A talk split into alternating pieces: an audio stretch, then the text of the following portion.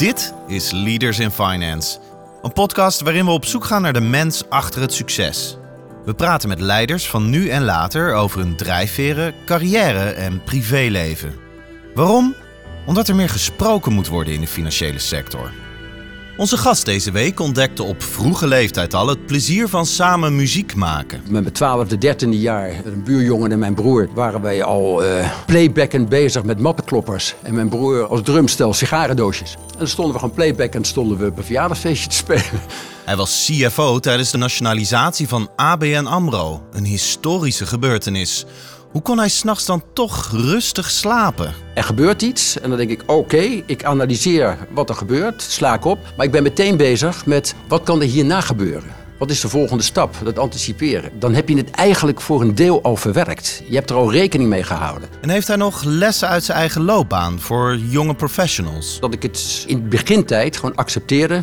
Als er iemand die al heel lang op een afdeling zat, eventjes begon te vertellen, zo moet het, dat heb je niet begrepen enzovoort. Dan dacht ik later wel eens van, nou, uh, kan ik best wat meer tegengas geven. Onze gast heeft meer dan 40 jaar ervaring in de financiële wereld en kan daar uitstekend over vertellen. Jan van Rutte. Je host is Jeroen Broekema. Welkom bij een nieuwe aflevering van Leaders in Finance. Deze week met Jan van Rutte. Welkom Jan. Dankjewel, Jeroen. Leuk dat je de tijd neemt om met, uh, met Leaders in Finance in gesprek te gaan. En ik ga zo jou introduceren. Maar ik vind het toch wel leuk om even te zeggen dat wij elkaar al kennen. Ik heb je ooit leren kennen toen ik mocht meelopen met de CFO van ABN AMRO. En dat was jij op dat moment. Ik was medewerker bij ABN AMRO en het was een CFO voor day, dag. En ik had me daarvoor gesolliciteerd en ik werd uitgekozen, ik weet niet, door jou of door een van jouw medewerkers. Maar ik mocht een dag meelopen, heb ik hele goede herinneringen aan. Dus uh, leuk om, uh, om, om denk ik te zeggen dat, uh, dat dat onze achtergrond is. Um, voordat ik, zoals ik al zei, jou ga, verder ga introduceren, wil ik graag de partners van Leaders in Finance bedanken voor hun steun. Dat zijn Kayak, EY, Orchard Berndsen Executive Search en Roland Berger. Erg leuk dat ze ook weer besloten hebben om voor heel 2023 partner te zijn van de podcast. Verder wil ik luisteraars erop wijzen dat recent mijn boek met de titel 100 gesprekken, De mens achter het succes, is uitgekomen met persoonlijke fragmenten van de eerste 100 gasten van de podcast. Dus van Ali Niknam, Klaas Knot, Jeroen Dijsselbloem tot Janine Vos, Chantal Vergouw, Gita Salde en Annette Mosman. En dus 93 anderen. Ze komen allemaal aan bod in het boek. Vind je het interessant? Ga dan naar boek.leadersinfinance.nl om het boek te bestellen of natuurlijk via de online boekenverkopers zoals Bol, Amazon, Managementboek en vele andere. Dan nu terug naar Jan van Rutte, eh, mijn gast vandaag. Ik zal jou kort eh, introduceren. Jan van Rutte is momenteel onder andere vicevoorzitter van de Raad van Commissarissen van BNG Bank, lid van de Raad van Commissarissen van PGGM en lid van de Raad van Toezicht van Health Center Hoenderdaal. Jan heeft voor zijn huidige betrekking een lange staat van dienst, 40 plus jaar, ja je hoort het goed uh, luisteraar, 40 plus jaar in de financiële sector. Zo was hij onder andere CEO van Fortis Bank Nederland, CFO van ABN AMRO Bank en later president-commissaris van de Volksbank. Hij vervulde daarnaast een veelheid aan nevenfuncties. Hij startte zijn loopbaan in 1978 bij de Algemene Bank Nederland. Jan studeerde bedrijfseconomie aan de Erasmus Universiteit in Rotterdam. Hij is 72, woont met zijn vrouw in Driebergen en heeft twee volwassen kinderen en dan ook nog drie kleinkinderen. Hele mond vol, Jan, maar daar hebben we al best wel een beeld van jou. En wat mij opviel in de voorbereiding is toch een beetje, denk ik, een rode draad van ABN AMRO. Want in jouw cv komt toch steeds weer ABN AMRO of rechtsvoorgangers, Fortus, later weer ABN terug. Klopt dat? Ja, Jeroen, dat klopt helemaal. En uh, ja, dat heb ik natuurlijk niet altijd kunnen uh, beïnvloeden, maar uh, het gebeurde wel. En, en, misschien is het aardig om in dat verband te zeggen dat toen wij met de nieuwe raad van bestuur begonnen, on, onder leiding van Gerrit Salm in 2010, toen deden we town hall sessies voor alle medewerkers in het land. En ik, ik uh, introduceerde hem altijd op twee manieren. Ik zei, ik kan de korte versie vertellen en de lange versie. Jullie willen natuurlijk allemaal als uh, efficiënte bankiers de korte versie horen. Nou, die is, ik ben ooit in 78 begonnen bij ABN op de afdeling Finance. En nu ben ik CFO, dus ik zit er nog steeds, punt. Nou, dan werd er gelachen in de zaal. Want een aantal mensen wisten dat het anders was. En nou, het langere verhaal was inderdaad uh, begonnen bij ABN. Na drie jaar overgestapt naar Pierson, Helderingen Pierson, de dochter van Amro. Was niet helemaal gebruikelijk toen, maar het was best een interessante stap. Ja, het verhaal daarna, Pierson, Mees en Hopen bij elkaar, werd Mees Pierson. Mees Pierson werd door ABN AMRO verkocht aan Fortis. Mees Pierson ging op met eh, VSB en Generale Bank Nederland in Fortis Bank Nederland. Fortis Bank Nederland werd uh, eind 2008, oktober, genationaliseerd. Werd weer samengevoegd met wat over was van ABN AMRO. En toen was ik weer terug bij ABN AMRO. Dat is het verhaal. Ongelooflijk, ja mooi. Dat kun je inderdaad niet van tevoren verzinnen, denk ik. Nee, en zeker niet beïnvloeden. Nee, dat kan me helemaal voorstellen. Maar wel altijd in die CFO-kolom, behalve die CEO-rol bij Fortis. Klopt dat? Ja, ik heb heel veel altijd in die eh, finance-kolom gezeten. En dat wil niet zeggen dat ik per definitie geïnteresseerd ben in cijfers. Wat dat betreft misschien ook wel een anekdote. Dat ik een keer een verhaal mocht houden voor uh, jonge talenten bij ABN AMRO. Wereldwijd kwamen die bij elkaar. En toen moest ik een verhaaltje houden als CFO. En ik begon te vertellen dat ik eigenlijk niet in cijfers was geïnteresseerd. De hele zaal begon te lachen. Zei, maar het cijfer is natuurlijk belangrijk, maar het gaat mij altijd om het verhaal achter die cijfers. En als je dan achter de cijfers kijkt, dan kom je op informatie uit en managementinformatie. En waarom gaan de dingen zoals ze gaan of gaan ze niet zoals ze gaan? En dat verhaal heeft me altijd zeer geïnteresseerd van wat zit er nu achter cijfers en ja, wat is de wereld erachter? Maar als CEO van Fortis Bank was je dus gewoon echt veel breder dan alleen de CFO, de, de cijferkant. Sprak je dat dan ergens meer aan dan de CFO-rol of kun je dat niet zo stellen? Uh, ja, ik werd gevraagd voor die rol. En toen ik in die rol zat, sprak hij me meer aan. Omdat je zo breed bezig moest zijn. Ik was by the way toen ook nog even CFO. Dat mocht toen nog. Hè, dat uh, deed ik erbij. je was toch stiekem beide? Ja, dat kon toen nog. Uh, de Nederlandse bank zou het nu verbieden. En dat snap ik natuurlijk ook wel goed. Maar toen was ik nog even beide. Maar ik was ook dus de country manager, CEO voor Fortis Bank Nederland. Maar je kreeg met zoveel terreinen te maken. Je was ook met klanten bezig waar je executive involved was. Je had met de dynamiek met uh, Fortis België, Fortis Luxemburg uh, te maken. Risk management, compliance, HR, IT, al die onderwerpen. Ja, daar kreeg je mee te maken. En ja, dat vond ik altijd boeiend, nogmaals, omdat mijn focus nooit alleen maar het cijfer is, maar de wereld eromheen. En toen ik ooit bij, bij, bij uh, Pearson op de controllersafdeling zat, toen moesten we gingen we managementinformatiesystemen ontwerpen zelfs. En dat vond ik buitengewoon boeiend, want die cijfers die rollen er wel uit. Maar wat is er nu nodig om een bedrijf te sturen? Waar hou je informatie vandaan? Uh, wat betekent dat voor je systemenopzet? Daar kan ik hele anekdotes nog over vertellen, maar dat heeft me altijd zeer bezig gehouden. En in die CEO-rol was dat nog veel breder. Plus natuurlijk de externe kant. En zeker bij de nationalisatie was dat het punt dat je naar buiten toe moest optreden. Ja, ja, dat snap ik. En wat ik zo boeiend vind is dat zei het al in mijn introductie, maar meer dan 40 jaar ervaring. Toen jij begon in de financiële sector, was ik nog niet eens geboren. En ik denk dat er met mij meer luisteraars zijn die die situatie uh, verkeren.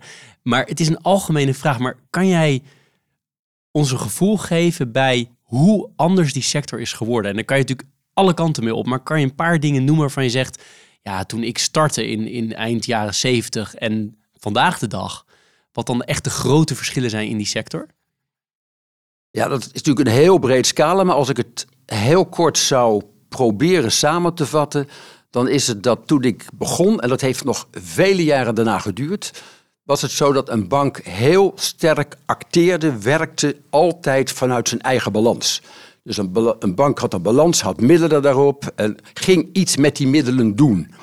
En ik heb dat wel eens uh, verwoord als er was heel veel sprake van inside-outside denken.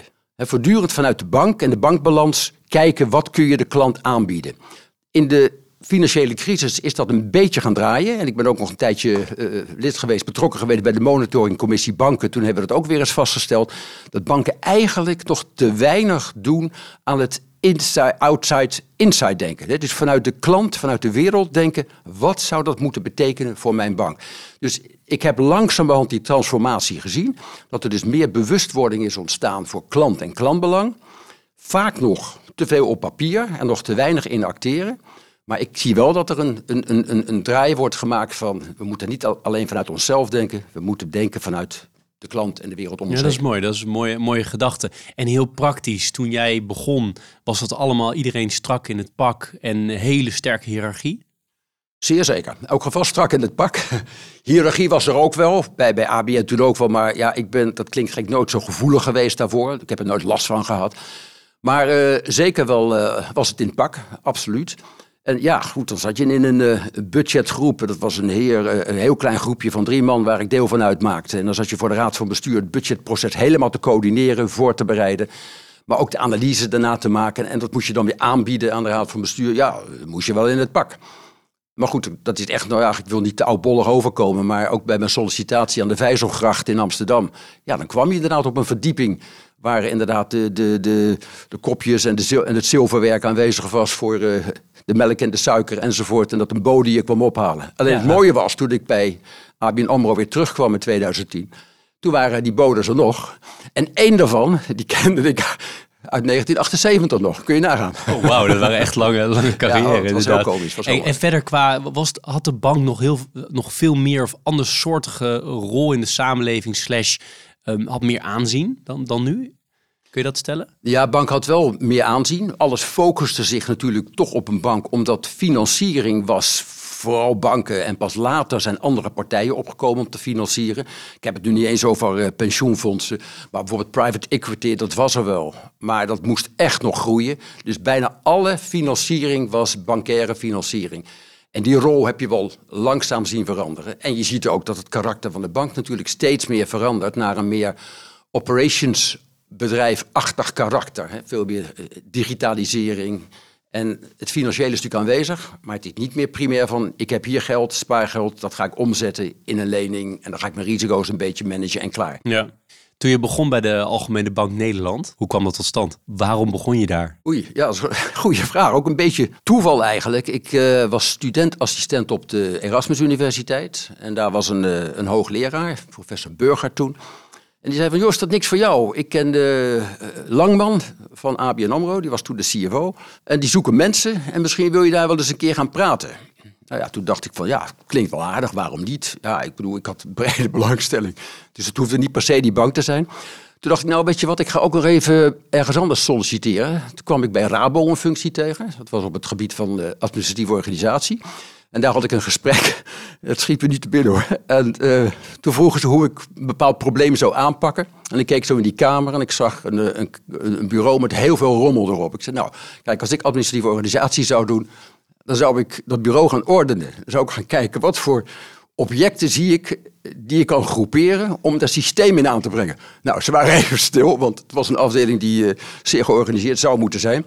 Nou, ik kon er op zich behoorlijk meer verdienen en toch sprak de baan bij ABN me toen meer aan, omdat ik het ook wel mooi vond om vanuit zo'n budgetgroep het bedrijf te leren kennen. Want als je met budgetten bezig bent, dan ga je echt dwars door het hele bedrijf. En niet alleen met de cijfers, natuurlijk ook de volumes en de mensen, alles speelt dan mee de markt. Maar was de financiële sector wel al een sector die jou interesseerde? Was er met andere woorden al een voedings, voedingsbodem daarvoor? Of als jouw professor had gezegd, nou ja, ik ken nog iemand bij Philips, dan was het Philips geworden? Grote kans.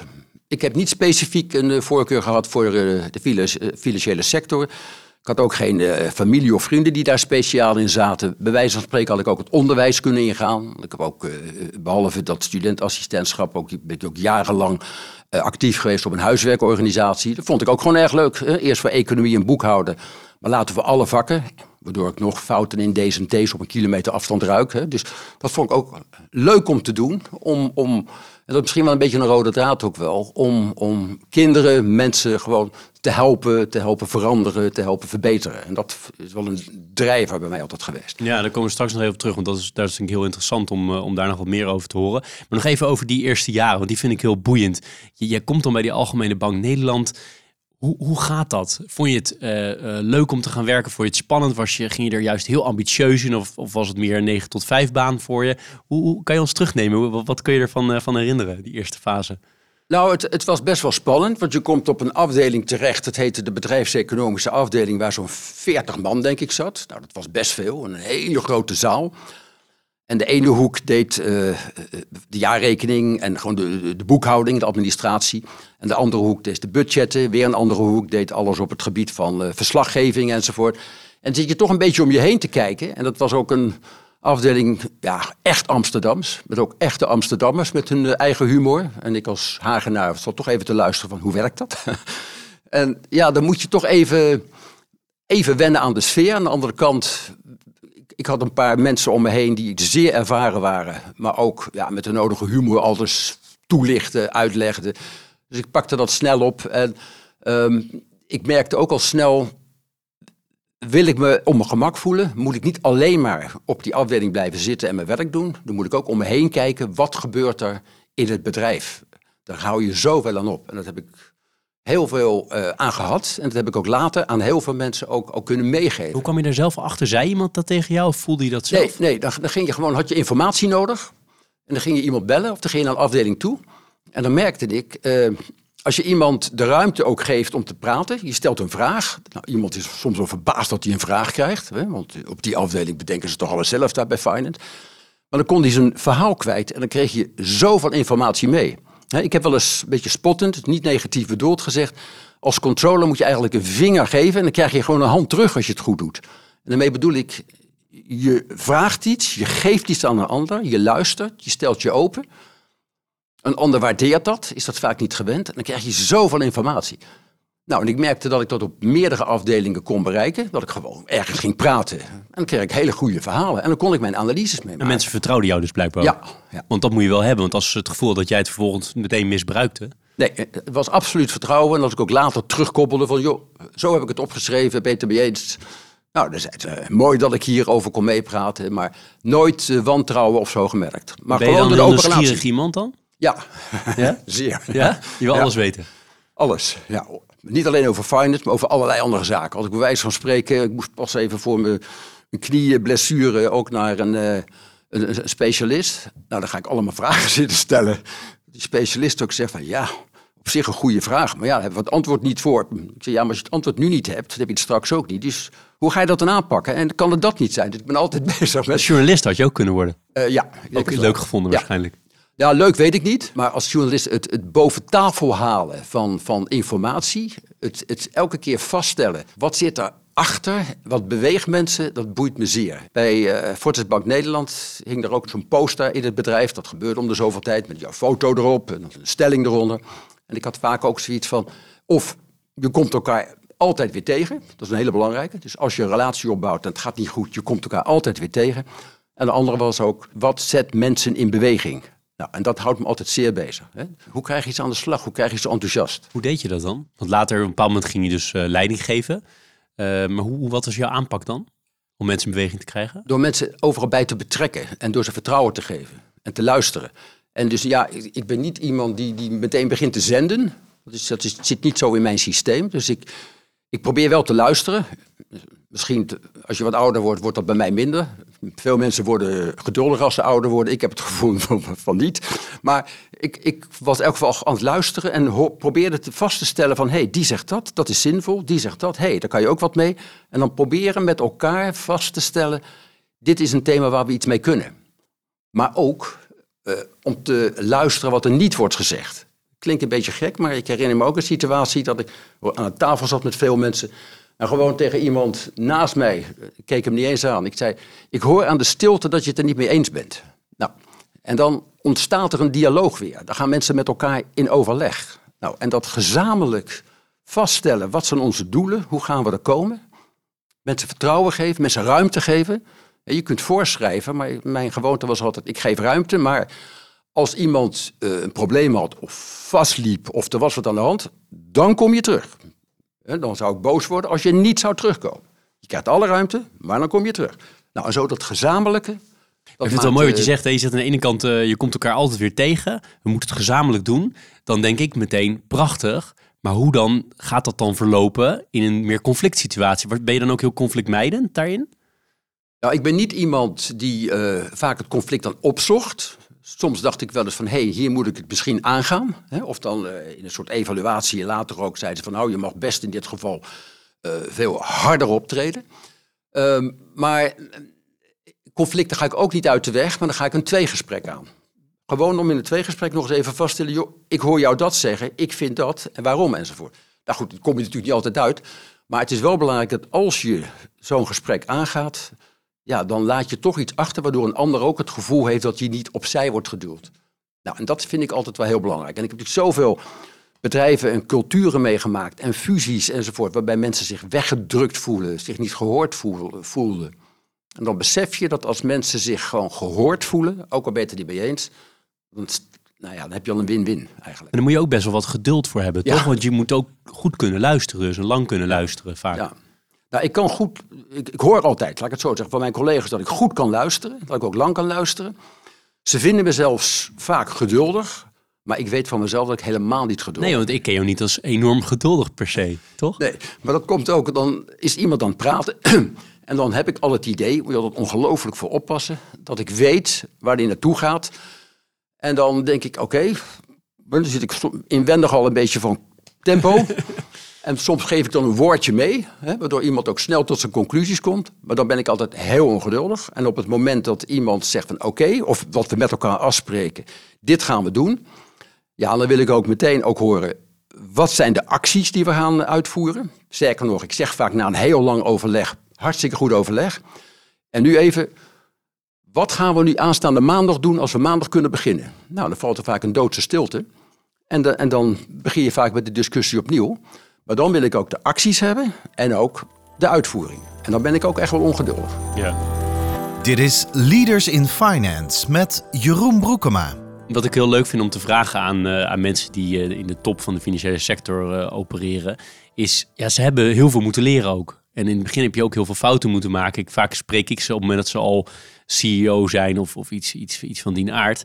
Maar als je naar jou kijkt, naar je eerste jaren, wat waren voor jou dingen die je echt hebt moeten leren? Waar je achteraf dacht, oh, als ik nu eh, terugkijk, eh, oh, daar was ik nog echt wel heel junior. Nou, je maakte ook wel mee, dat is eigenlijk een heel actueel thema nu, dat, dat, dat sommige mensen ook in hun gedrag ook heel eh, heersend konden optreden. En ik kon er in die zin mee omgaan dat ik het zag en dacht, oké, nou ja, je bent zo klaar. Maar ik denk soms ook wel eens dat ik echt wel eens een keer eh, harder er tegenin had, eh, had kunnen en, en, en, en mogen gaan. Met andere woorden, dat ik het vaak dan eh, in begintijd gewoon accepteerde. Als er iemand die al heel lang op een afdeling zat, eventjes begon te vertellen, zo moet het en kom op, dit moet nu en dat heb je niet begrepen enzovoort. Dan dacht ik later wel eens van, nou, kan ik best wat meer tegengas geven. Hè? Dus dat vond ik echt wel een, een, een Tot leerproces. die conflict kan waarschijnlijk dan. Ja, Ja, je- niet het inhoudelijk of zo, want dat moet je gewoon leren. En ja, als er een ingewikkeld probleem is, ik vind het al leuk om het uit te zoeken, maar het is nooit zo dat ik dan daar u, da- dagen mee rondloop. Hè. Dat, dat heb je wel snel door. Maar het zit hem vooral in die relatiekant en daar heb ik juist zoveel van geleerd. Ook daarna, als je zelf in zo'n leidinggevende positie zat. Ja, ja. Als we nog een aantal stappen daarvoor, hè, voor die eerste baan eh, eh, maken. En we komen helemaal, helemaal bij het begin van, jou, van jouw leven. Wil je iets delen over hoe je bent, eh, bent opgegroeid? Je Ja, zei dat- Hagenaar, dat is het enige wat ik nu weet. Ja, eigenlijk Hagenees, hè, zeg je dan. Hagenees, ja. Ja, dat is een essentieel verschil, maar dat maakt niet uit. Nee, ja, ik ja, geboren in Den Haag. Mijn ouders zijn kort na de oorlog getrouwd. Mijn vader is toen bij de Haagse politie gaan werken. We kwamen beide uit grote gezinnen. En ja, was eigenlijk een hele harmonieuze situatie. en Een harmonieuze omgeving waar we woonden. Eh, Zo'n baan bij de politie was geen baan waar erg veel verdiend werd. Dus het was hard werken. Maar mijn ouders waren ook gewoon keiharde werkers. En eh, ook altijd klaar om, om andere mensen te helpen als het nodig was. Maar ook eh, van het type van, ja, eh, doe maar gewoon. Hè? Dat, doe je al gek genoeg. Hè? Is zo'n uitspraak, die, die hoorde je heel vaak. Maar wel in een beschermde omgeving eh, opgegroeid. Ook met veel kinderen in de buurt. Waar ik heel veel altijd mee heb gespeeld. Voetballen buiten, altijd bezig en buiten. Heb ik ook een hele goede vriend aan Welke overgehouden. wijk in Den Haag eh, woon je? Dat was in Moerwijk. En als ik nu zeg Moerwijk, dan begint iedereen te lachen. Moet ik eigenlijk zeggen Moerwijk? nee, maar het, het schijnt nu de, echt, dat is de, de armste wijk zo'n beetje van Nederland te zijn. En toen was het een prachtige wijk. Ik ben overigens onlangs nog een keer eh, teruggegaan. Met een vriend van mij die ik daar op mijn vierde jaar, volgens hem op mijn derde jaar, heb, eh, heb leren kennen. En nou ja, waar ik heel veel samen mee opgetrokken ben. En we zijn weer eens door die wijk gelopen. En ja, het zag er eigenlijk best goed uit. Maar er schijnt heel veel verborgen armoede te zijn. Maar toen was het een splinternieuwe wijk. Ik weet dat wij de duizendste woning waren. Waar wij eh, als, als gezin woonden. Maar heel beschermd Broers en zussen? Ja, ik, heb, eh, ik had drie broers en, eh, en één zus. En ik was de oudste. Ah. Wat overigens best wel eens lastig was als je vader politieagent is en jij bent de oudste. Kreeg je veel mee van zijn werk? Hoorde je veel over de criminaliteit in de stad en dat soort dingen? Of vertelde hij nooit wat over? Nee, hij vertelde er wel wat over. Nooit natuurlijk op naamsniveau, maar wel de situaties waar hij mee zat. En hij zat ook bij de, eh, zeker bij de recherche. Dat heette de afdeling eh, bloed, zweet en tranen heette die toen al. Maar dat was echt misdrijven. Dus die had echt eh, ja, hele zware situaties. Wat ook vaak veel spanning gaf. Hè. Dat, je het echt allemaal merkte, maar dat voelde je. Dat vertelde hij ook wel eens. Ja, als kleinkind zei hij er ook van... Oh, ik wil ook bij de politie. Hè. Maar goed, uiteindelijk... Uh, ben ik niet zo ver gegaan. Ja, als, als kind is het waarschijnlijk geweldig uh, als je vader politieagent is. Ja. Om te kunnen vertellen aan andere vriendjes en uh, dat soort dingen. Ja, dat maakt ja. vaak wel indruk inderdaad. Ja. Ook al ja, we hebben ze natuurlijk geen idee wat het inhoudt. En bij het begin was hij ook maar gewoon agent op straat toen hij helemaal begon. Maar later recherche en allerlei andere dingen. Dat is natuurlijk heel boeiend. En ehm, volgens mijn vrouw heb ik nog steeds die achtergrond van de rechercheur. dat ik nog steeds... Ja, ik zie daar wel een link inderdaad met die vragen stellen en weten hoe het ja. zit en mensen, mensen doorgronden. Ja. En uh, aanname, maar je moeder was thuis? Ja, die was thuis inderdaad. Ja, ja. ja kwam ook uit een uh, groot gezin. Haar, haar, haar vader was smid in het dorp. Nou, daar had je best wel wat aanzien als smid. En commandant van de brandweer was die. Maar zij was altijd heel bescheiden, moest ook voor de andere kinderen zorgen. En die was altijd zeer verzorgend, zeer zorgzaam. Altijd met anderen bezig. Eigenlijk te weinig met zichzelf, als ik het achteraf bekijk. Ja, ja want dat, dat was dus wel normen en waarden. Waren dus dingen als hard werken, ja. uh, oog voor de samenleving. Even mijn woorden van jou, ja, van wat jij zei. Wat, wat nog meer voor, uh, voor normen en waarden kreeg je mee? Um, ja, dat zijn de bekende dingen als gewoon uh, ja, eerlijk zijn en, ja, en ook gehoorzamen. Hè? Nou, dat zeg ik wel eens. Als je opgroeit in een tijd van de jaren zestig met uh, uh, bands die opkomen. Met uh, provo's, met hippies en, en je vader is politieagent. Nou, dat is best lastig. ik weet dat ik een keer een Beatle-jas kocht. Dat was een hele speciale jas zonder kraag en zo. Nou, dat vond hij helemaal niks. dus, en mocht je hem houden? Ik, uh, ja, ik, het was, was wel een discussie, maar ik, ik, mocht hem houden, maar het was een stevige discussie. Maar heb je moeten rebelleren verder? Tegen je, ben je echt, heb je echt gepubert en later als student ook je echt afgezet tegen je ouders?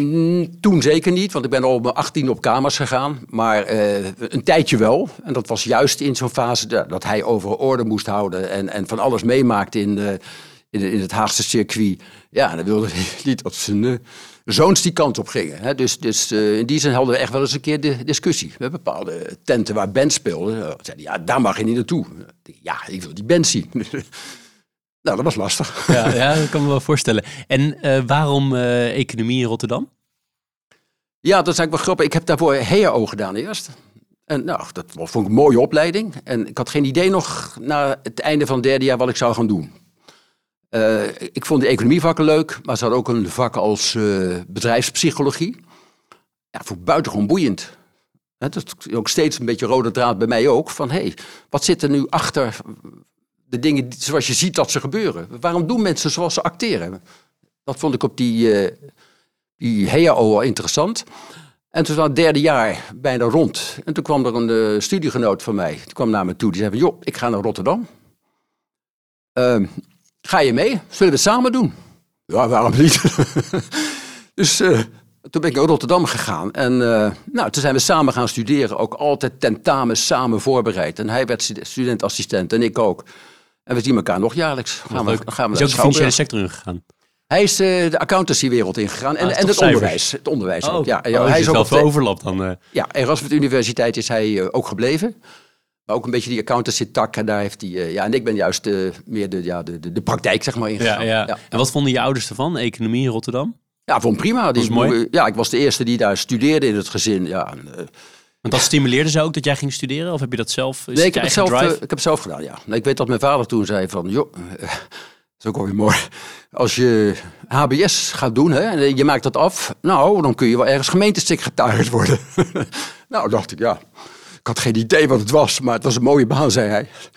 Maar goed, toen heb ik, uh, dacht ik van ja, ben klaar met die HBS. Ik wil nog wat anders gaan doen. Toen kwam uh, de HEO langs ook. Ik weet dat de onderdirecteur van de school toen, van, van, van die HBS, die was mijn overbuurman. En die werd directeur van de HEO. En ik stond altijd een beetje te voetballen tegen het muurtje onder zijn huis. Waarvan die zei, me kan niet eens een keer ophouden. maar toen zei hij van, is het niks voor jou om naar die HEO te gaan? Ik had net bij hem ook eindexamen economie afgelegd. Dat was een hoogcijfer. Ja, waarom niet? Maar dat zat een beetje wel altijd toen in, in mijn systeem van ja, waarom niet? Ook leuk. dus toen ben ik dus van, van, van, van, van die HBS ben ik naar de HEO gegaan, van de HEO naar de universiteit. En bij de universiteit kwam ik dus die hoogleraar tegen. Die zei, Jos, ABN niks voor je? Nou, nog even om me heen gekeken. Dus nog wat andere banen zelfs bekeken. Op Curaçao waren nog leuke banen enzovoort. Maar ik dacht, nou, ABN, die budgetgroep, lijkt me eigenlijk wel wat. Ja, dus je bent er toch wel eigenlijk ingerold en getriggerd door mensen die je tegenkwam. Ja. Je Rotterdamse tijd, hoe, hoe typeer je dat? Ja, eigenlijk. Ik, ben in die periode ook, ook getrouwd. Ik ben niet echt alleen maar in Rotterdam Dat bezig. is best jong getrouwd dan, of niet? Ja, een jaar Of of 23, was ik 23, een beetje. ja, Ja, dat was dus, wel ja. redelijk Ja, normaal maar door die HEO begon ik iets later aan de universiteit. Ik bedoel, alles wel eh, in een aantal jaar gewoon vlot afgewikkeld.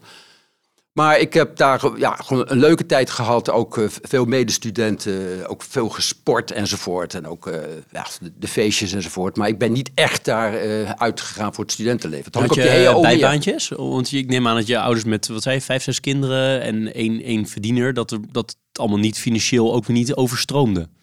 Nee, maar ik ben toen ik op, kamers ging, één, je had een, een kleine beurs. En twee, ik ben toen op een huiswerkorganisatie les gaan geven. En eh, ik noemde het al, een, aanvankelijk voor een uurtje of twee in de week. Maar op een bepaald moment was het gewoon wat tien uur in de week, omdat je alle vakken deed. Dus, eh, En het toen een studentassistentschap. Ja. en dat was best een aardige baan toen, Ja. studentassistentschap. Ja, Ja. ja. En je ging, je ging gelijk vanuit Den Haag in Rotterdam wonen, hè? Op je Nee, nee, nee, ik ben of Den Haag blijven wonen. Oh, blijven Nee, wonen. op dat ik- jezelf of woon je toen nog bij je ouders? Eh, in eerste instantie van mijn achttiende op kamers gegaan. In de buurt van die HAO waar ik zat. En daarna een eh, etage op, eh, op de Laan van de Justini waar ik daarna met mijn vrouw ben gaan wonen. Ja. Dus dat is... eh, Ah, ja. Kijk, mooi. En uiteindelijk ging je dan bij, bij ABN werken, Pearson, verder de, de- je carrière door. Had je op een bepaald moment het idee van, hey, ik begin wel stappen te maken in de hiërarchie en als ik zo doorga, dan, nou ja, dan gaat het steeds verder. Of heb je, is dat je ook je helemaal overkomen? Nou, het is min of meer overkomen, omdat ik vaak eh, die vraag kreeg. Ik bedoel, ik, zou hem nooit afgewezen hebben als die dus... eh, als zo'n vraag eh, zou komen. Dus Het was niet zo dat ik zei, ik heb er een hekel aan. Het was ook niet zo dat ik het nou echt nastreefde, die leidinggevende posities. Ik, ik, ik, ik, ik realiseerde me later nog wel een komische situatie. Mijn vader was ook trainer en coach van het voetbalteam. En ik was wel regelmatig aanvoerder. En toen zei, was ik jaar 14, toen zei hij van... Ja, je bent een, een echte leider. Ik, zei ja, waar heb je het over? Ik weet niet wat hij er toen mee bedoelde, bij wijze van spreken. Maar op een bepaald moment merkte ik wel dat als ik het gevraagd werd om iets te gaan leiden, dat het ook gewoon leuk ging, dat het lekker ging. En dat je voor steeds meer dingen werd, werd gevraagd. Maar het is niet zo dat ik steeds mijn vinger opstak van ik wil daar en daar zitten. Terwijl het eigenlijk als buitenstaander al lang duidelijk was. Want je was bij die, die was aanvoerder, je, je band eh, had je. Eh, later ging je, eh, gi- ging je al binnen die eerste baan, ging je al naar al die andere afdelingen om informatie op te halen. Dus een buitenstaander zou meteen gezegd hebben, nou typisch eh, leader in finance, om die term even aan te halen. Mooi. Ja, ja, ja, misschien wel, maar is- ik, ik heb het zelf dus nooit actief Er nagestreefd. was er dus, maar er was dus wel een punt in je loopbaan dat je dacht, hey, ik, ik, het kwartje viel, ik, ik kan misschien wel grotere teams gaan aansturen en, en, en doorgaan in, in die organisaties. Elk geval, dit ligt me. En als dan die vraag komt, en dan ga ik er ook wat van maken. En dan vind ik het ook meteen ook heel mooi, juist vanwege de, de breedte en het met alle aspecten bezig zijn.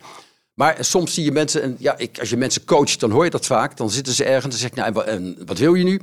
Nou ja, ik wil nu eh, twee jaar ervaring opdoen en daarna wil ik wel naar een managementpositie. Ja, dan begin ik altijd een beetje te lachen, want het is natuurlijk wel mooi en ambitieus. Maar dan kan ik toch niet nalaten om te zeggen: ga je nou eerst even verdiepen in je omgeving. Ga nou eens even kijken wat er buiten jouw afdeling gebeurt. Probeer eens even in processen te denken, in ketens te denken, wat heel veel mensen niet kunnen. Iedereen is met zijn eigen vak bezig. En als je dat nou in de gaten hebt, dan kun je ook veel beter afwegen: wat wil ik? En je kunt meer, omdat je gewoon veel meer hebt gezien. Nou, ja, bij het begin vinden ze dat moeilijk, maar als ze nou na twee jaar toch nog geen managementpositie hebben, dan ja, misschien moet ik toch eens wat breder gaan kijken. Ja. En dat, dat zeg ik ook voortdurend. Focus je nooit alleen op datgene wat jou is toevertrouwd. Kijk altijd eromheen. Er zit een wereld omheen en die is zo leerzaam. Ja.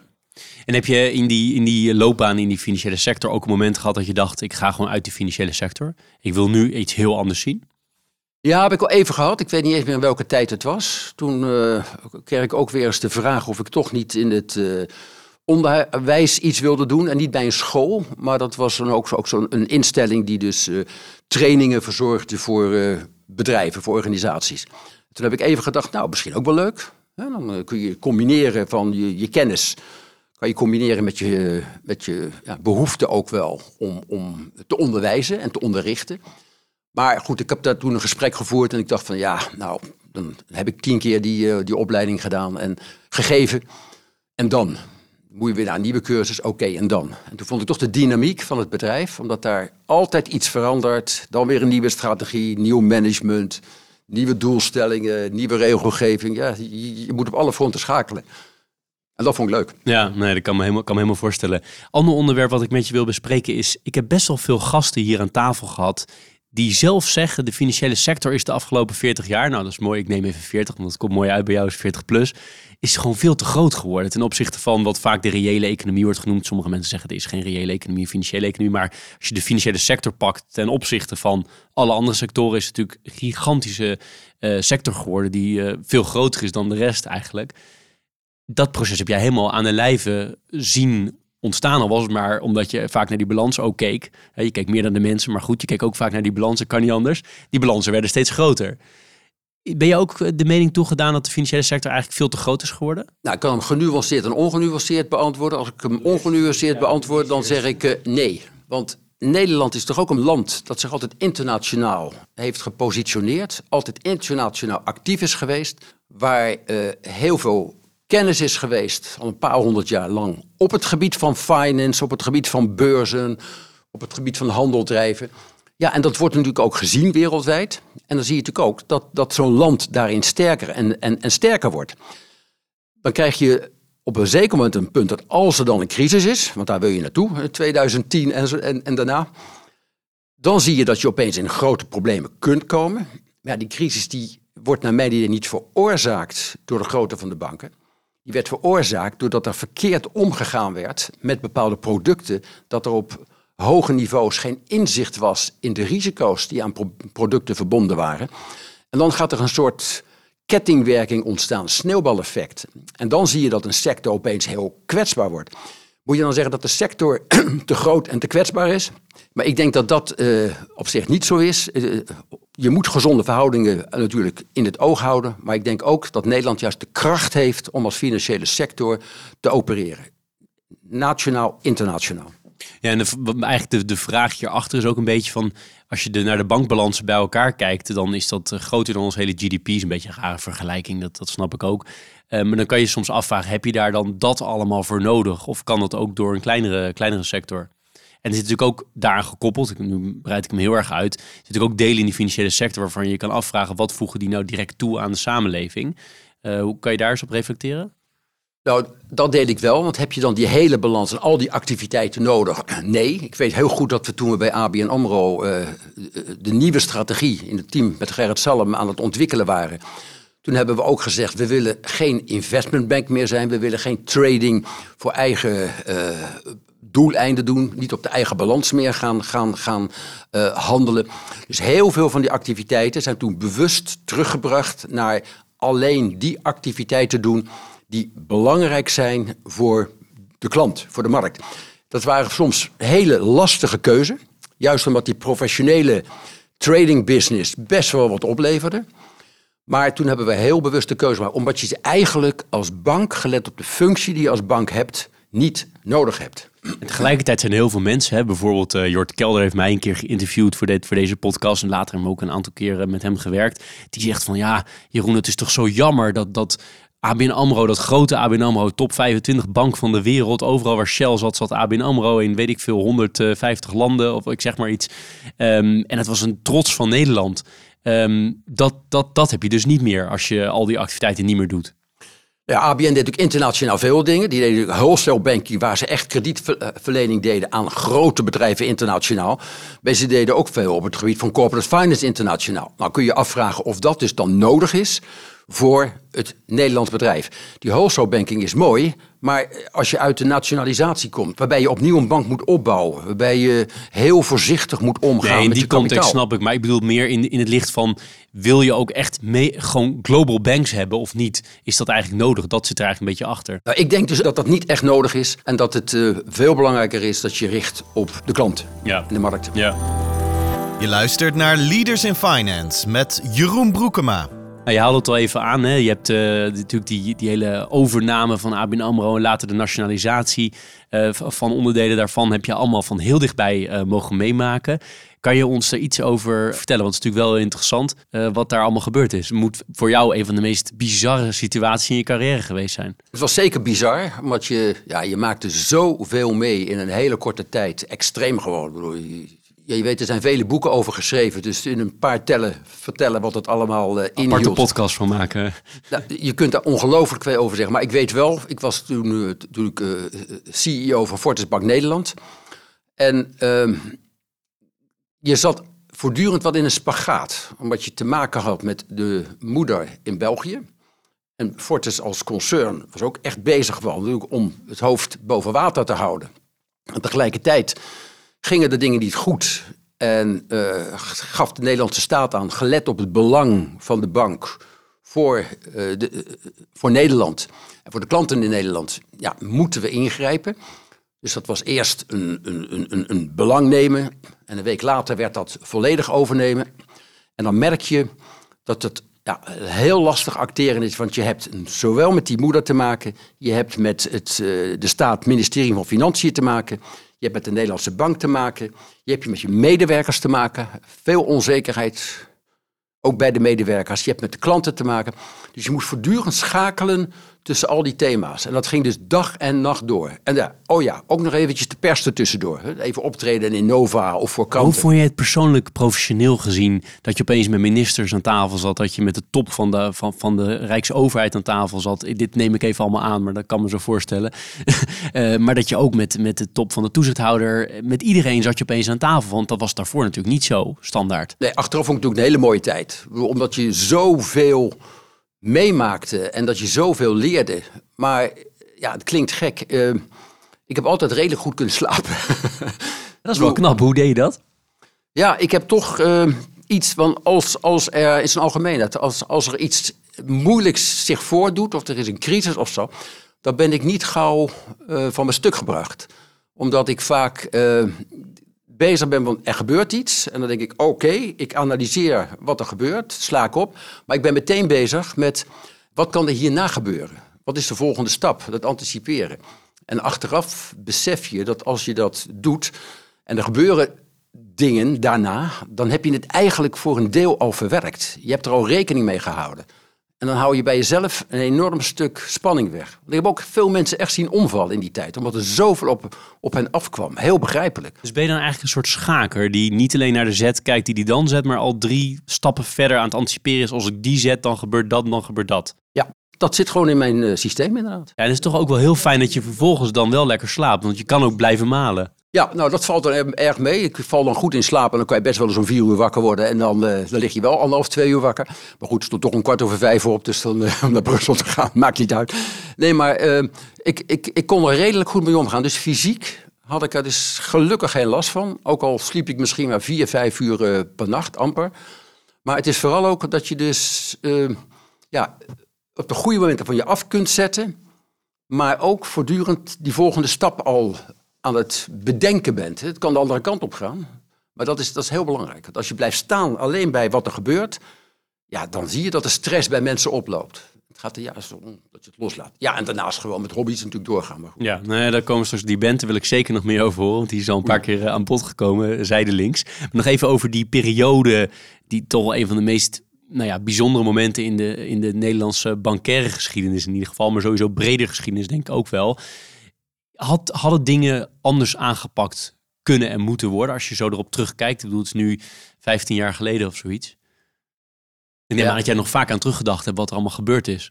Ja, en ook natuurlijk veel vragen erover gekregen. Maar de vraag is altijd van vanaf welk moment had er iets anders moeten gebeuren? Op het moment dat die crisis er echt was, was er eigenlijk weinig andere keus dan dat die nationalisatie plaatsvond. En ik vond dat gewoon sterk en ook moedig ingrijpen de fase eraan voorafgaand, overname van ABN AMRO in, uh, met, met, met uh, ja, die, die, die, die problemen die ABN ook had met zijn uh, aandeelhouders. Op dat moment hadden dingen misschien anders moeten gaan. Ja, dat was misschien ABN AMRO stap. gefuseerd was met ING, was het wel heel anders gelopen. Was het anders gelopen, inderdaad. Ja, en op het moment dat ABN AMRO dus opgesplitst werd in onderdelen, ja, dan gaat het fout. Dus daaraan voorafgaand had het anders kunnen lopen. En er waren natuurlijk ook al eerder ook al eens gesprekken geweest tussen eh, ABN AMRO en de Generale Bank bijvoorbeeld. Had je een hele andere wending gekregen. Maar gegeven het feit dat die dingen allemaal gebeurd zijn, kachelde het langzaam over op een situatie van of we laten de boel ploffen, of nationaliseren. En in die zin denk ik dat er weinig, op dat moment weinig anders mogelijk was. Ja. Nog even twee kleine paadjes in die, die, die hieruit voortkomen. Eén is, je bent dus, stel ik, vrij stressbestendig. Want dit zijn natuurlijk situaties wat je ook zegt. Kan ik helemaal beamen, namelijk dat heel veel mensen toen zijn omgevallen. Ook met burn-outs en, en ongeloof, zowel aan de publieke kant als aan de private kant. Dus dat begrijp ik. Maar waar word jij dan wel gestrest van? Wat zijn dingen die wel echt in jouw irritatiezone zitten? Waar je denkt, oh, daar kan ik me wel echt... Uh, nou ja, dan, dan word ik zelfs gestrest. Nou ja, als mensen iets toezeggen en niet doen, daar word ik heel uh, onrustig van. Daar kan ik echt spanning door krijgen. Hè? Of, of als mensen uh, op het laatste moment met iets komen wat ze al wisten en voor zich houden. Dan denk ik, dat had je kunnen weten. Ja, want je houdt ook niet van als mensen te laat komen, zei je. nee, nee dat, dat, is, uh, dat klopt helemaal. Dat, uh, zelfs bij ABN AMRO weten ze dat nu ook nog, maar daarvoor ook bij Mees Pierson. Als mensen te laat komen op een vergadering, dan moet je bij mij standaard trakteren. En dat leidde er ook toe dat ik uh, wel eens gebeld werd voor een vergadering om vijf voor negen. Vergadering begon om negen uur, vijf voor negen belde iemand. Ja, ik uh, red het niet, ik ben onderweg. Met hoeveel zijn jullie? En dan ga ik eerst langs de bakker. Dus dat was altijd uh, duidelijk, ja. duidelijk, dat jij de voorzitter was. En wat uiteindelijk dus de stress komt voor als mensen iets beloven en niet doen. Dus eigenlijk alles wat voortkomt uit, ja, dat is dan niet, niet per se niet integer, maar in ieder geval niet nakomen van dingen. Als het aan richting de integriteitskant komt, dan kan je Jan van Rutte wel gestrest krijgen. Ja, dan kan ik zelf behoorlijk geïrriteerd raken. Als de integriteitskant wordt geraakt, dan raak je bij mij ook een snaar. Dan kan ik echt wel uh, ook even echt kwaad worden. En ik word niet snel kwaad. Mijn collega's in België ben ik eens een keer mee door een gang gelopen na een heel zwaar gesprek. En toen was doodstil, twee Belgische collega's. En die zeiden tegen mij, oei, we hebben u nog nooit zo kwaad gezien. Dat was een uitzondering.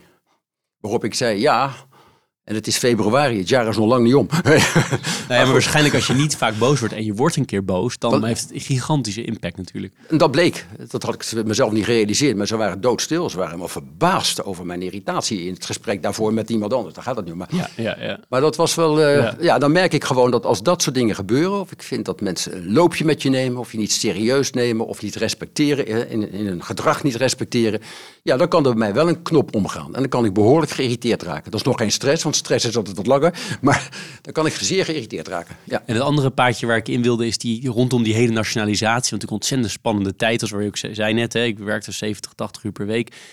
Is iets waarvan je zegt, dat heb ik daar echt geleerd. Wat ik daarvoor niet wist, niet kon. Anderszins niet had beseft. Nou, niet zozeer misschien dat ik het niet kon, maar misschien minder heb beseft. En dat is toch na al je uh, ja, eng woord stakeholders, maar naar iedereen met wie je te maken hebt, steeds blijven uh, uh, ja, noem je dat, communiceren. ja, communiceren. Ja. Dus steeds mensen betrokken houden. En, en daarmee bedoel ik, als er wat aan de hand is, informeer je toezichthouder. Als er wat aan de hand is, bel even met financiën. Ook daar zijn nog mooie verhalen over te vertellen.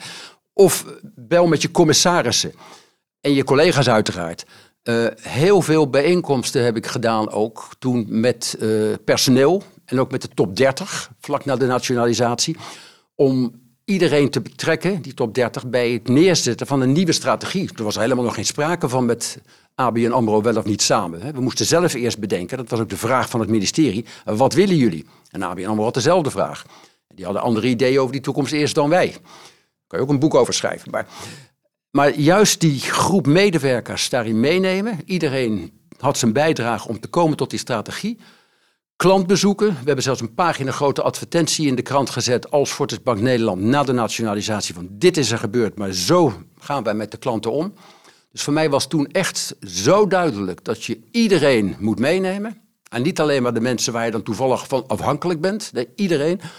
Ja, en dat, dat dat buitengewoon nuttig is. Want je, je coacht natuurlijk vanuit je, je, je commissarisrol bij, bij heel veel plekken waar je commissaris bent geweest, nu nog steeds. Coach je natuurlijk bestuurders, als ik het even coachen mag noemen. En informeel spreek je natuurlijk ook heel veel bestuurders. Is dit dan ook iets wat heel vaak terugkomt, wat jij, waar je hen op moet coachen? Van neem, mijn woorden, neem iedereen mee in het verhaal? Ja, dat is zeker een punt. En zorg dat je met een commissaris ook regelmatig overlegt als je zaken hebt. Natuurlijk moet die commissaris in zijn hoofd houden dat hij dan even niet de toezichtsrol heeft, maar dat hij dan misschien een adviserende rol heeft. En wat die commissaris individueel vertelt, dat dat niet altijd de mening van de hele raad hoeft te zijn.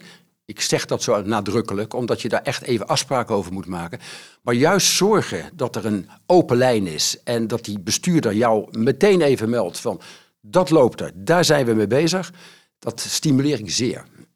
Ja. En wat zijn andere dingen waar je ze vaak op moet uh, op coachen? Zijn er bepaalde dingen die vaker terugkomen? Het is natuurlijk heel mm, specifiek op een bepaalde persoon of een bepaald bestuur. Zijn er dingen die vaker terug, uh, terug, terugkomen bij deze groep?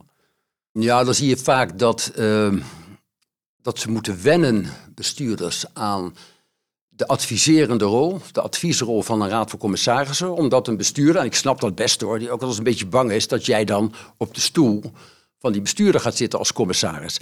Dus daar moet je hele goede afspraken over maken. Tegelijkertijd doe je het niet, dan zie je dat een bestuur vaak in een bepaalde richting blijft denken, terwijl er zoveel kennis binnen een raad aanwezig is, is zonde om die uh, niet te gebruiken. dus, dus, op dat terrein uh, adviseren we vaak in onze adviesrol. Maak gebruik van die kennis binnen, binnen de Raad van Commissarissen. En uh, ook merk ik in die werkgeversrol dat je daar. Uh, dat ook onderschat wordt. Er wordt vaak gedacht dat gaat alleen maar om benoemen, herbenoemen of ontslaan. Of het gaat om de beloning vaststellen. Nou, er valt steeds minder te belonen, dus uh, daar moet je je tijd niet meer aan besteden. Maar het is veel belangrijker dat je als commissaris ook de organisatie meeneemt. Dat is je strategie die in die cultuur hoort erbij. Hebben jullie daarvoor de goede mensen? Moet je niet een transitie ook ondergaan in je personeelbestand? Hoe zit het eigenlijk met de kwaliteit van je personeelbestand in de lagen onder jullie? En commissarissen hebben vaak de neiging gehad om te zeggen, nou ja, we kijken alleen maar naar de bestuurders en de rest niet. En wij, andere commissarissen doen dat bij mij gelukkig ook, stimuleren, we gaan een slag dieper kijken. Niet kwaliteit in de organisatie, maar ook van, hebben we de juiste mensen aan boord om die nieuwe strategie te realiseren? En dat wordt echt onderschat. En heb je die mensen niet, dan kan je zo'n mooi verhaal maken. Het gaat je gewoon niet lukken om die strategie te realiseren. Ja, dat kan me, kan me helemaal voorstellen. Wanneer is jouw non-executive carrière begonnen? Met wel, wat was jouw eerste commissariaat of raad van toezicht? Oh, dat was uh, bijna tien jaar geleden. Dat was bij uh, commissaris bij SNS Reaal. Hoe was dat, de eerste keer uh, commissaris zijn? Nou, dat was best wel lastig. Omdat ik bij mezelf, je, je, noemde het al eerder in het gesprek... Bij mezelf voelde ik een ongeduld bij een aantal thema's. Laat ik een thema noemen dat ik heel vaak noem. Datakwaliteit. Nou, niet om op te scheppen, maar eind jaren tachtig ben ik al bij, bij, Pearson al begonnen met een gegevensmanager... En niet in de, ergens verscholen bij IT. Nee, die zat bij finance. Omdat we data zo belangrijk toen al vonden. Eind jaren 80. Dus vervolgens als commissaris loop je dan tegen het probleem aan dat een organisatie worstelt met zijn data quality. Maar dan kan ik heel erg ongeduldig worden. Als ik dan denk, ja, maar dit is al zo'n uitgekoud thema. Als je je governance op dat gebied niet organiseert en die duidelijke afspraken maakt, dan gaat het gewoon nooit lukken. Nou, dus ik merkte bij het begin bij dit soort thema's, vooral op het gebied van administratieve organisatie, interne beheersing, dat ik echt moest inhouden, omdat ik een soort déjà vu gevoel had en dacht van, ja, dat moeten ze nou toch wel weten. Ja, dan ging je bijna op de stoel van de bestuurder zitten. En daarom heb, heb, ik me zo goed gerealiseerd, daar moet je dus voor oppassen. Ja, ja. Heb je nog opleiding er ook voor gedaan of ben je gewoon vanuit je, al je ervaring ermee gestart? Ja, ik ben eigenlijk meteen mee gestart. Ik vind het wel leuk dat ik nu zelf opleiding geef bij de Governance University. Ja, want wat is dat precies, de Governance University? Waar, waar valt dat onder? Of is dat iets losstaand? Of? Dat is een aparte organisatie. Die zit uh, tegenwoordig bij uh, Leersum. Dat is een zelfstandige organisatie, vallen niet ergens onder. Die hebben een uh, groot aantal docenten, richten zich op commissarissen, maar ook op general counsels bijvoorbeeld, bestuurssecretarissen. En hebben dan een opleiding voor, voor, voor aankomende commissarissen en voor ervaren commissarissen. En ik kreeg uh, de vraag of ik, ik een verhaal kon vertellen over de rol van de voorzitter van de Raad van Commissarissen bij het bewaken van de board Dynamics. Nou, ik ben altijd blij als ik die zin helemaal kan uitspreken. Maar dat zijn best wel leuke thema's, omdat uh, door de mensen zoveel uh, wordt gevraagd en daarmee aangereikt. En ik merkte elke keer bij elke vraag, ja, kon ik een verhaal houden. Omdat ik het had meegemaakt, omdat ik ermee moest dealen.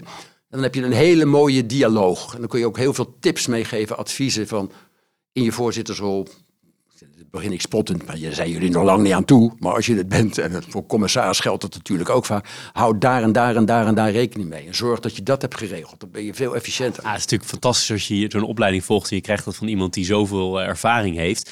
Heb je ook wel eens de vraag gekregen, en anders stel ik hem nu voor de eerste keer. Wat is nou eigenlijk leuker?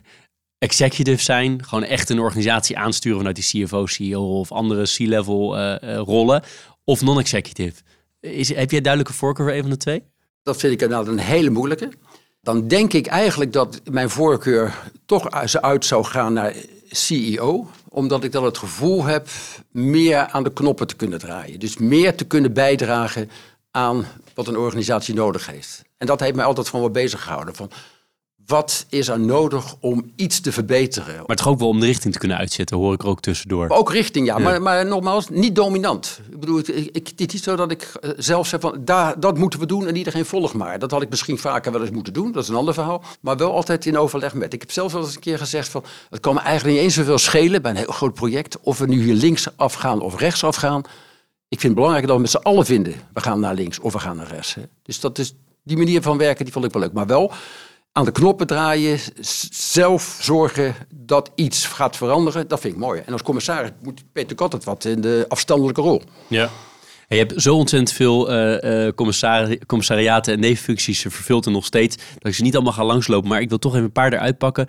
Uh, Ormit was je al heel erg vanaf het begin bij betrokken, hè? Hoe ja. kwam dat zo? Ja, aanvankelijk bij de Raad van Advies heette die toen. Ja, we zochten op een bepaald moment ook um, jonge mensen, talenten. En uh, we kwamen in aanraking met Orbit. En Orbit uh, bood mensen aan die dan bij ons projecten konden gaan doen.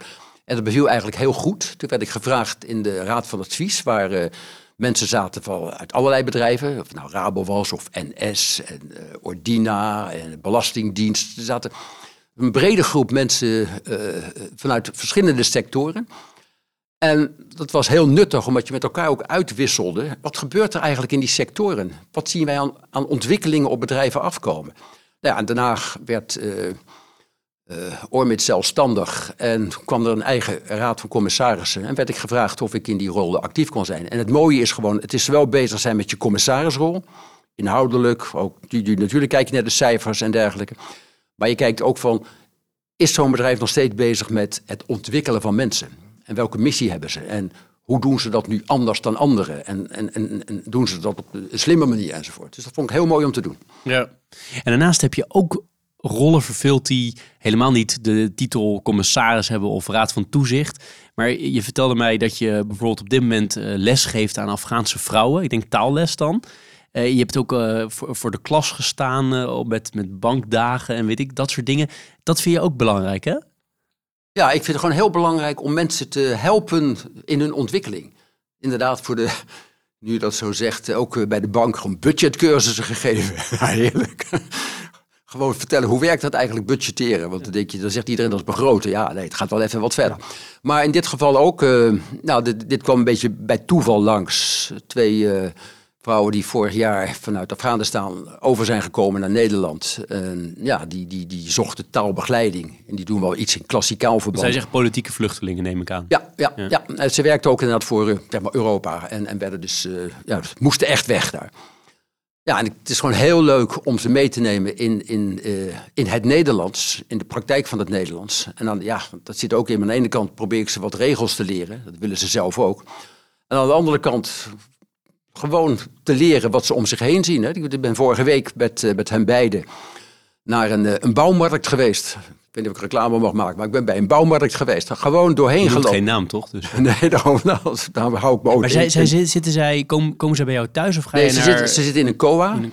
En daar ja. hebben ze een kamer met z'n tweeën. Ze kenden ja. elkaar niet voor die tijd. Ze zitten met z'n tweeën op een, uh, op een kamer daar. Dus we hebben een aantal lessen daar gedaan. Gewoon de, dat het is aan de hand van voorbeelden en ja, een gesprek, allerlei dingen met elkaar doornamen en, en vooral aangaven. Zo werkt Nederlands en dat zijn uitzonderingen. Maar daarna zeiden we, we willen ook eens naar buiten. Ik zei, nou prima. En de een die zou mogelijk een, een woning gaan krijgen op termijn. Dat was niet helemaal duidelijk. Dus ik zei van, nou ja, als je een huis hebt, wat heb je dan nodig? Nou, toen noemden ze wat dingen. Dat, dat gaat dan in het Engels. Ik zei, nou oké, dan gaan we naar een bouwmarkt. En dan gaan we gewoon door die bouwmarkt lopen. En jullie gaan het huis inrichten. Nou, dat is fantastisch. Dus dan sta je voor een pot, pot, verf, sta je gewoon uit te leggen wat het verschil is tussen de ene verf en de andere verf. Of dan sta je van laminaat en parket en soorten laminaat. En, oh, leer al die woorden maar eens in het Nederlands. Nou ja, dat was... Uh, en dat doen ze. En dan schrijven ze ter plekke nog op. Ze spreken goed Engels waarschijnlijk. Vrij goed Engels inderdaad. Dus je kunt goed communiceren. Ja, dat scheelt enorm.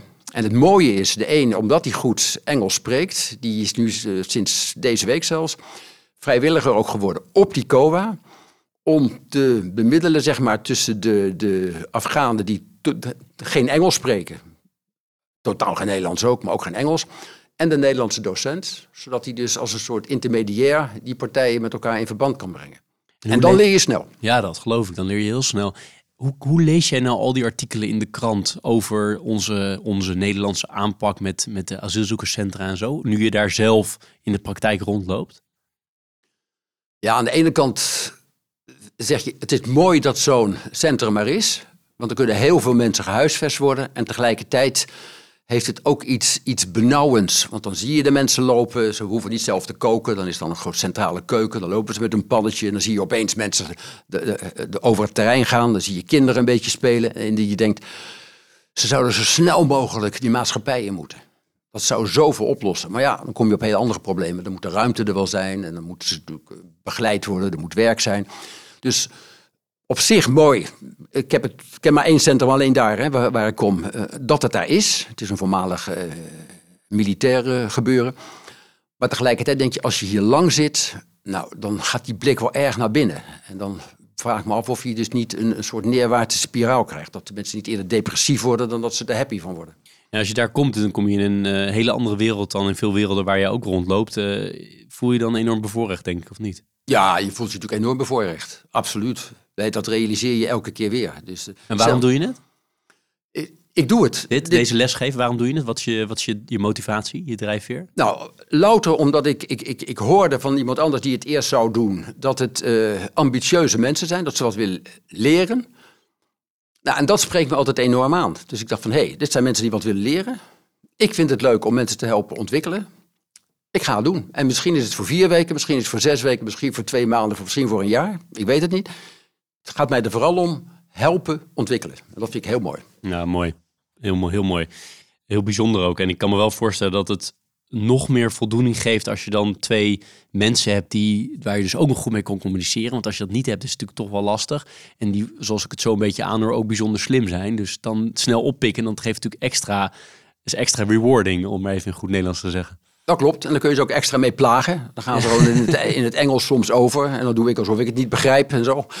Of dan ga ik even op het Frans over. En dan gaan zij meteen spottend over. Ik neem aan dat jij ook lokale, lokale taal daar geleerd. weet niet, wat, wat is het Farsi of is het iets anders? Ja, uh, Dat, dat, spreken ze dus dan bij sommige woorden. Als ik een heel moeilijk woord uh, gebruik, bijvoorbeeld in het Frans opeens. Hè, dus bij die verve lac de bois of zo stond er. dus ze zeiden, ze gingen zij het meteen in het uh, Farsi vertalen. Nou, maar dat is leuk. Dat, dat prikkelt dan ook. Ja, maar, dan, leuk. Ja. maar dan beseffen ze ook van, hé, hey, we moeten werken daaraan. We doen er wat aan. Leaders in Finance met Jeroen Broekema. We hebben bij Leaders in Finance ook altijd een pleaser en een teaser. En die heb ik altijd gedaan in al die 123 gesprekken hiervoor. Ik heb aan, aan de pleasende kant dus altijd hetzelfde, daar kom ik zo op. Aan de teasende kant uh, heb ik het volgende opgeschreven. Het zijn maar een paar woorden. Um, banken zouden grotendeels in publieke handen moeten zijn. Wat vind je daarvan? Dus even een grote switch van, de, van jouw Afghaanse lesgeven naar, naar weer terug naar de bankaire wereld. Dat is een hele grote maar switch. hoe kijk jij ernaar? Ik ben het er eigenlijk niet mee eens. Maar dat komt om het volgende. Er wordt heel snel gedacht als zoiets wordt gezegd. Want je hoort natuurlijk heel vaak, zeker tijdens de crisis. Overigens kan me dat nu veel beter voorstellen met bijvoorbeeld energiemaatschappijen op dit moment. Zoals dat in Frankrijk doen, als er een crisis is. Misschien moet je erover denken om ze toch publiek te maken. Maar een bank is meer dan alleen maar betalen en sparen. En dat wordt vaak gedacht, een bank, ja, daar ga je met je betaalrekening naartoe en een beetje sparen. Hè? Dus een bank doet hypotheek, een bank doet kredietverlening. Een, een bank brengt soms bedrijven naar de beurs. Een bank heeft, doet private banking. Als je dat allemaal bij elkaar hebt, dat moet je niet onder de staat willen hebben. Want die staat die wil dat al niet eens. Reputationeel kan die staat dat al niet. Dus als jou iets apart houdt, dan moet je betalen en sparen gaan afzonderen. Twee, uh, Europese Commissie zal dat niet gaan aanvaarden. Ik heb er zelf ervaring mee. Toen we genationaliseerd werden, moesten wij periodiek aan de Europese Commissie melden welke tarieven wij als ABN AMRO en daarvoor als Fortis Nederland uh, klanten in rekening brachten voor hypotheken, dan wel hoeveel spaarrente we gaven. Want ja, je valt onder de staat, dus je hebt een grotere zekerheid. Je kunt makkelijker financiering krijgen, dus je financieringskosten worden lager. Dus je kunt een lager tarief bieden of een hoger tarief als het om sparen gaat. Maar dan verstoor je de concurrentieverhoudingen. Maar, dat, maar, dat, ja. maar, dat, maar dat is heel praktisch, hè? maar meer fundamenteel. Um, even om de stelling een beetje aan te zetten. Maar is het niet zo dat net als uh, het spoor of de waterleidingen, gewoon de, de, traditionele discussie over wat de staat moet doen, als al jij bent econoom, uh, en wat, wat de private sector moet doen, is er dan niet een deel van die financiële sector die gewoon zo cruciaal is als infrastructuur van de samenleving, dat je dat eigenlijk niet uh, aan de private sector wil overlaten? Nee, ik, ik, ik, denk het niet. Ik denk dat je dan ook voorbij gaat aan ontwikkelingen dat veel meer bedrijven die niet banken zijn zich ook op dit terrein gaan begeven. Dat is, is ondoenlijk. Ik geloof wel in gezonde verhoudingen. Ik geloof ook wel, uh, ik hecht zeer aan dat, we hebben dat al genoemd, dat banken ook echt acteren in het belang van de klant. En het niet alleen maar zeggen, maar ook, ook doen. En als je dan een gezonde markt hebt, dan denk ik dat het uh, goed moet kunnen werken. Ja, nou, het is interessant om te horen. Want jij hebt, natuurlijk, je hebt natuurlijk bij de echt de private bank gewerkt, maar later ook bij twee genationaliseerde organisaties, natuurlijk hè, bij ABN AMRO en, en, en bij, de, bij de Volksbank. Dus dat is interessant. Nou ja, wat, nog een optie kan zijn wel, is dat, je dat je wel nog banken hebt straks, waar de staat eventueel een, een behoorlijk belang toch in blijft houden.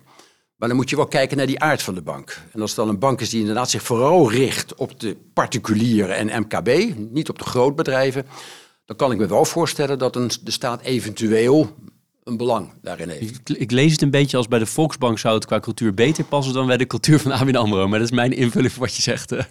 Nou, die laat ik even, even, voor jou, maar uh, weet wel dat het wel een onderwerp van gesprek is geweest toen ik bij de Volksbank actief was als commissaris. Ja, ja dat kan me voorstellen. Aan de pleasende kant, uh, lees je graag en zo ja, heb je een bepaald, of als je niet graag leest, maar heb je een bepaald boek waarin je zegt dat heeft altijd wel veel indruk op mij gemaakt of heb ik vaak aan mensen gegeven. Mijn eerste vraag, lees je graag? Uh, ik lees veel. Uh, ik lees aan boeken. Op zich lees ik graag, maar het komt er niet van. Eigenlijk een paar jaar geleden had ik er gewoon, ja, gunde ik me er geen tijd voor. En ik merk ook, dat klinkt een beetje gek, ik heb het geduld er niet voor. Als ik nu vrije tijd heb, ik ga niet zitten lezen wat een ander doet. Dan ga ik de tuin in, eh, dan ga ik gras maaien, of, of dan ga ik onkruid trekken, of ik ga tennissen, of ik ga muziek maken. Of, dus ik, heb het, ik heb vroeger heel veel gelezen. Dat moet ik wel zeggen. Heel veel boeken. Ik ben zelfs mijn boeken aan het opruimen geweest en aan het systematiseren en in, een schuur opgeslagen en een Excel-bestand vastgelegd wat ik allemaal heb. Dan ben ik verbaasd over de hoeveelheid boeken die ik heb. Hele mooie boeken, maar het komt er niet van. Dan ja, wat ik dan een mooi boek vind, want dat is natuurlijk de volgende vraag. Dan moet ik echt terug in de tijd. Van de laatste boeken die ik wel mooi vond, ik zou niet eens meer weten wat, maar wat, wat destijds, heel lang geleden, boeide wel. Dat was van, uh, van, van, van Herman Hesse. Het boek uh, Narcis en Goldmund. Dat de twee totaal vrienden beschrijft, totaal verschillend van karakter. En dat herken ik een beetje met die uh, vriend van mij, die ik al vanaf mijn vierde, hij zegt derde, Maar ik was meer rationeel. Ook al had ik ook wel met, met artistieke dingen als het om muziek ging. Maar hij was vooral op het gebied van kunst, levensbeschouwing heel actief. We waren twee totaal verschillende personen. Maar wel altijd samen opgetrokken. Samen met kamperen, liften door Engeland, door Frankrijk. En, en nu nog zijn we heel goed bevriend. En dan zie je dus dat je die twee werelden, die zo verschillend zijn, als je die met elkaar weet te verbinden, ja, dat is zo mooi en zo leerzaam. Dus dat vond ik een heel mooi boek. Ik ben benieuwd wat hij ervan vindt dat hij daarmee vergeleken wordt. Want dat is ook een enorme rokkenjager. Ik weet niet of hij het boek kent, maar hij zal het waarschijnlijk ook gelezen hebben. hij heeft zeker gelezen. We hebben het erover gehad, zelfs tijdens onze vele wandelingen. Ja, dus, dat is een heel mooi boek. Ja, mooi. Mooi, mooi om te horen. En hij is, hij, is, hij is vaker genoemd. Ja, ik kan er meer noemen. Sartre, Jean-Paul Sartre, Jaren de Zonderscheid vond ik mooi. Juist omdat je het individu wat helemaal loskwam van zichzelf. Ik een buitengewoon boeiend boek. Dan heb ik pas heb ik een boek inderdaad wat ik ook uh, uh, meerdere mensen heb aangeraden. En dat is een boek dat heet Op dezelfde golflengte. En het is van een uh, mevrouw Pietanel Dijkstra. Ik ken haar niet. Maar dat boek beschrijft heel mooi. En ik, ik merk gewoon nu dat ik dat in de praktijk in het verleden zo vaak heb meegemaakt. Maar het boek beschrijft dat er heel veel mensen zijn, uiteraard met verschillende karakters, maar dat het alleen maar toeneemt met verschillende achtergronden, temperament. Dat geeft een prachtige diversiteit, maar maakt communiceren tussen mensen steeds lastiger. En dit boek gaat er dan heel erg sterk over. Hoe herken je die communicatiepatronen? Wat betekent dat dus voor jouw communicatie ook? En wat ik minstens zo belangrijk vind, en waar ik altijd erg aan heb gehecht als ik ook uh, jongeren mocht begeleiden bij, bij de bank. Wat is jouw eigen communicatiestijl? Heb jij wat in de gaten hoe jij in een groep overkomt? Want als jij dat niet in de gaten hebt, dan kun je zulke mooie ideeën hebben, maar die landen niet.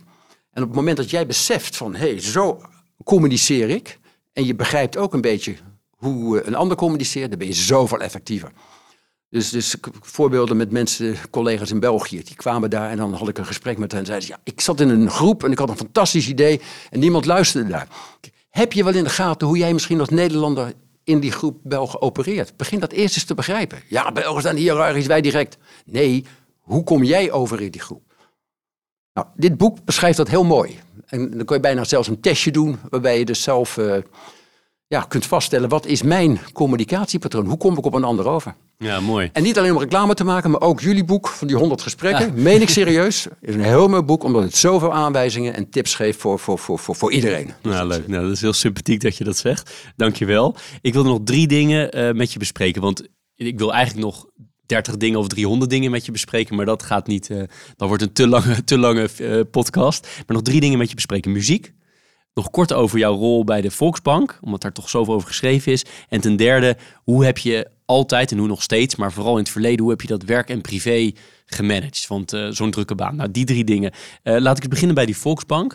er is heel veel over geschreven, er is ongelooflijk veel ge, gebeurt daar. Tenminste, dat is als, als je het, in ieder geval het roze clubblad leest, het Financiële Dagblad, dan, is er, dan, dan krijg je het beeld dat er heel veel gebeurd is. Ik ben toch even nieuwsgierig naar om daar wat meer van je te horen. Want jij was die hele periode, of misschien niet de hele periode, maar een groot deel van wat er allemaal uh, uh, plaatsgevonden heeft, was je natuurlijk uh, voorzitter van de Raad van Commissarissen. Hoe, hoe, kijk je daarop terug en hoe heb jij het beleefd? Als voorzitter van de Raad van Commissarissen heb je natuurlijk daar een, een, belangrijke rol in. Zoals voor, de hele Raad overigens. Maar, en natuurlijk is dat een periode geweest waar heel veel is gebeurd. vervelende dingen zijn gebeurd die ook verkeerde energie kosten. Gewoon, het is gewoon eigenlijk negatieve energie.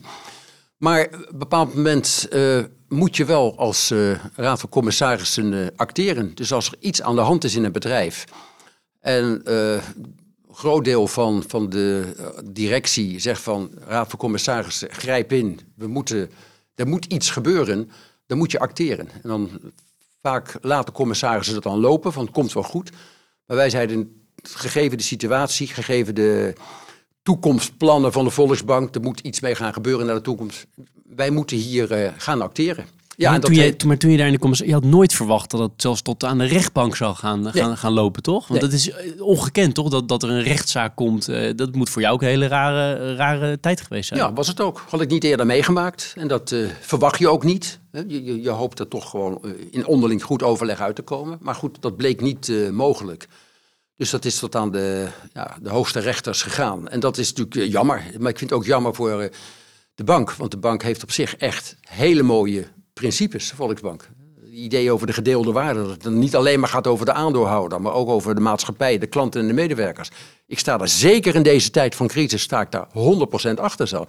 Dus dat dreigt een beetje op de achtergrond te raken door zo'n uh, escalatie. Ja, want zeker, uh, we hebben dat, dat al een beetje rode draad gesproken, dat je, niet, dat je in principe graag houdt van het allemaal samen doen. Nou, dat was daar dan niet echt sprake van. Nou, je hebt altijd te maken met, met, met situaties en mensen, dat mensen het daar niet mee eens zijn. En ja, aan een zeker moment kom je daar niet uit en dan is het vervelend. Heel naar dat het uh, escaleert. Ja, ja. Dan uh, werk-privé-balans uh, als tweede topic. En dan als, op het einde over de muziek, want daar moeten we het echt over hebben. Uh, de werk-privé-balans. Je zei tijdens de nationalisatie werkte ik een enorme hoeveelheid uren. Je hebt natuurlijk in al die rollen heel veel verantwoordelijkheid gedragen, nu nog steeds overigens. Hoe, manage je dat met, met, met jonge kinderen bijvoorbeeld? Of later toen ze wat ouder werden? Hoe, hoe, deed je dat thuis ook? Hoe, hoe kreeg je dat allemaal rond? Ja, een, een vrouw die heel veel begrip had voor wat ik moest doen die, die, die, die zag dat ook wel. En die had ook het geduld. En die zei niet van, nou, uh, het kan niet dat je nu weer weg bent. Uh, dus, dus die had daar gelukkig heel veel begrip voor, anders had je dit echt niet kunnen doen. Ja, en daarnaast toch ook uh, in weekenden gewoon met je kinderen gewoon bezig zijn en uh, naar dingen toe gaan. Dat heb ik altijd wel kunnen mixen, omdat ja, het klinkt gek. Ik, ik ging ook nooit in een werkkamer zitten. Ik zat gewoon altijd in de kamer op de bank of soms op de grond gewoon te, werken. En dan waren, was iedereen naar bed, tien uur. Nou, dan ging ik rustig tot twaalf uur nog even wat, wat dingen doen. Hè. Dus gewoon gedurende de dag kon ik dat regelen. En tegelijkertijd toch nog wel erop uitgaan met vakanties. Want we hebben, ik heb best wel wat CEO's hier gehad die zeggen... nou ja, achteraf, uh, als ik heel erg daarop op, op reflecteer... ben ik eigenlijk te weinig geweest voor, me, voor mijn kinderen bijvoorbeeld... of mijn vrouw of man of weet ik veel. Dat gevoel heb jij dus niet? Nou, als ik eerlijk ben, zeg, zeg ik ook achteraf had ik best nog wel meer willen doen. Ja, had ik, uh, ook al hebben we hele mooie reizen en, en, en, en, leuke dingen gedaan. Maar dan achteraf denk je, ja, wat misschien toch nog wel wat, wat meer kunnen doen. Duidelijk. Muziek, altijd belangrijk voor je geweest. Speelden je ouders al uh, muziek? Of Geen van beide. Hoe, hoe, ben je er dan mee in aanraking gekomen? Geen van beide, ja. Nou ja, je groeit natuurlijk op in een periode van de jaren 60 waar natuurlijk van alles gebeurde met muziek. Dat is nog steeds de grootste verandering geweest, denk ik, in, in muziek. Ja, het is, het is heel komisch. Ik begon met mijn twaalfde, dertiende jaar uh, met een buurjongen en mijn broer waren wij al uh, playbackend bezig met mappenkloppers. en mijn broer, als, die is ook drummer geworden, als drumstel sigarendoosjes. En dan stonden we gewoon playback en stonden we op een verjaardagsfeestje te spelen. En uh, een broer van mij, mijn, mijn, mijn derde broer, die, uh, ging het, ja, die ging gitaarles nemen. Die is later naar het conservatorium gegaan. Die is ook professioneel geworden. En die was toen negen toen hij dat deed. En toen was ik dertien, dacht ik van ja, wacht even. Als hij dat doet, moet ik het ook. Dus toen ben ik ook gitaarles gaan nemen. Ik had alleen niet het geduld om het lang te doen. Hij heeft het natuurlijk heel lang gedaan, het conservatorium afgemaakt. Ik heb uh, een jaar gitaarles gehad. En toen ben ik alleen maar gaan werken met LP's. Luisteren, proberen, akkoorden bedenken. Solootjes verzinnen. Zo. Autodidact bijna. Ja, een beetje wel. Ja, ik bedoel, je hebt akkoorden wel geleerd, maar die hield het ook mee op. Maar uh, ja, gewoon heel leuk om te doen. En ja, vervolgens weer met diezelfde broer van mij, Hans, en, en, en een vriend van school zijn we een band gaan vormen. Een driemansformatie met nummers van Cream en Hendrix. Hoe heette die band? Ja, dat was een moeilijke naam doen. Dat was Ralph Royster Doyster. maar dat komt weer uit de Engelse literatuur. En zij vonden dat een mooie naam. Maar goed, uh, later werd dat Old Nick. Maar toen ben ik eruit gestapt omdat ik toen met, met studie zat. Maar uh, toen traden we vaak op op de voetbalclub waar we zaten. Heel veel gespeeld op de feesten. Fantastische avonden. En, en op, op scholen uiteraard. Toen de hele tijd niet. Toen ben ik met, een, met die vriend van mij weer, die ik al zo lang ken. Um, samen blues gaan maken. je derde of je vierde? Ja, ja, ik wilde het beide weer herhalen. Hij zegt drie, ik zeg vier. Maar uh, zijn we blues gaan maken, met z'n tweeën gewoon, uh, echt authentieke blues. En dat hebben we heel vrij lang gedaan. Ja, en toen kwam ik in mijn dorp Driebergen een achterbuurman tegen. Die liep met een gitaar te sjouwen. Ik hé, hey, wat doe jij met die gitaar? Nou, ja, ik ben begonnen met uh, basles. Ik zei, nou oké, ik doe dat en dat met de gitaar. Toen, nou, een paar weken later zei hij van, joh, is het niet leuk om een band te vormen? Ik ken iemand die saxofoon speelt. En ik, uh, nou, diezelfde vriend weer van drie jaar die speelt gitaar. Mijn zwager is drummer. En even later hadden we een uh, formatie van uh, zes man. En traden we op feesten en partijen. En dat is de band Friday Blues. En ik zeg bewust even blues. We zijn begonnen met blues. Maar als je op feestjes speelt, moet je niet de hele avond blues spelen. Want dan wordt iemand een beetje somber. Dus toen zijn we rock and roll jaren 60, 70, 80 gaan, gaan spelen. En dat is inmiddels 30 jaar nu. En van de oorspronkelijke samenstelling zijn er nog steeds vier aanwezig. Er zijn wat een paar wisselingen geweest. De overlijden, ook door vertrek. Maar uh, treden nog steeds op. En ik heb zelfs over een paar weken weer een optreden hier. In de, wat mooi, je doet dus nog steeds die optredens. En je deed het dus ook tijdens je, je, al je, je C-level banen. Absoluut. En ook daar, uh, veel tijd hebben we misschien niet, maar er zijn een paar mooie anekdotes nog over. Um, Eén is er dat ik, ja, ik moest gewoon bij ABN AMRO moest ik de cijfers, de jaarcijfers presenteren. Dus morgen begin met de radio-interviews. met de BNR, met uh, NPO 1, RTL. En uh, even later heb je de call met, uh, of, of, of, of uh, de vergadering met de pers, de journalisten, financiële pers. Even later, daarna heb je de, de analisten en de investors. Smiddags heb je de rating agents. Nou, dan sluiten we de dag even af. We hebben toen bedacht met de mensen die aan het jaarverslag gewerkt hebben. Even borrel, even reflecteren. Klaar, speechje houden, wegwezen, het land in, optreden. Het mooie is, dan ben je het ook kwijt. Hè? Je... Ontzettende uitlaatklep waarschijnlijk. Fantastische uitlaatklep, Toch? ja. Maar ik heb ook situaties gehad vlak voor de nationalisatie. Dat wist ik niet. er speelde van alles. Moesten optreden in Haarlem, Krukius Museum. Telefoon in mijn zak. En tussen twee nummers door voel ik die telefoon trillen. Ik neem hem op. Financiën. Oef. Dames en heren, ogenblikje pauze. Ja, ja, ja. Ik het museum in. Gesprek gevoerd, acties uitgezet. Weer terug, weer gaan spelen. Uur later gebeurt precies hetzelfde. Dames en heren, ogenblikje pauze. De band, publiek, hebben niets gemerkt. Achteraf, iedereen verbijsterd. maar het was natuurlijk te mooi om mee te maken. Dat je dus en aan het optreden bent. En tegelijkertijd was je van alles aan het regelen. Want investmentbanks moesten langskomen. Er moest van alles worden geregeld om, om, om, om, om die nationalisatie te gaan voorbereiden. Dus dat zijn natuurlijk ja, zulke uiterste maar ook mooi om mee te maken. Ja, Dus dat kan me voorstellen. ja. En, en ik, beg- ik heb dus begrepen, je treedt dus ook één keer per jaar op op dat eiland bij Goeree Overkee, toch? Deden we. Want Dat vorig, deden we. vorig jaar is eh, helaas eh, onze saxofonist van het eerste uur overleden. En toen hebben we, het is even tot stilstand gekomen. En, en we hebben dat eh, op, op, tien gemeten is dat. Tien gemeten, dat Ah, zocht we, ik. hebben we Ja. twintig keer geweest. We Ja. donderdagavond naartoe. Zondag weer terug. Zaterdagavond feestje voor de eilanders. En dan was het de hele dag vanaf donderdag tot, tot, tot, tot, tot zaterdag. eh, nieuwe nummers repeteren. 's morgens vroeg even in het koude water zwemmen. Ontbijten. Bam. Werken. Wat Mooi zeg. Geweldig. Heb je ook wel eens voor, eh, voor, voor een van de banken waar je gewerkt hebt eh, opgetreden? Ja, ik ben bij, eh bij ABN AMRO, was, eh, dat was toen het, ge- ja, dat was een toren, toren C was dat geloof ik, of B, even op, maakt niet uit. Eh, daar zat RBS in, aanvankelijk, Royal Bank of Scotland. En daar ging Joop Wijn met zijn merchant bank, die ging daar naartoe. En voordat het gebouw in gebruik genomen werd, wilde hij het inwijden. En toen zijn wij gevraagd om eh, op te treden. Notabene was dat precies de dag dat wij ook op 10 gemeten zaten. Dus we zijn met een noodgang zijn we naar Amsterdam gereden s'avonds. Maar eh, al die investmentbankers aan het dansen. Hartstikke leuk. Wat mooi dat je dat voor elkaar hebt gekregen. Geweldig. Mooi.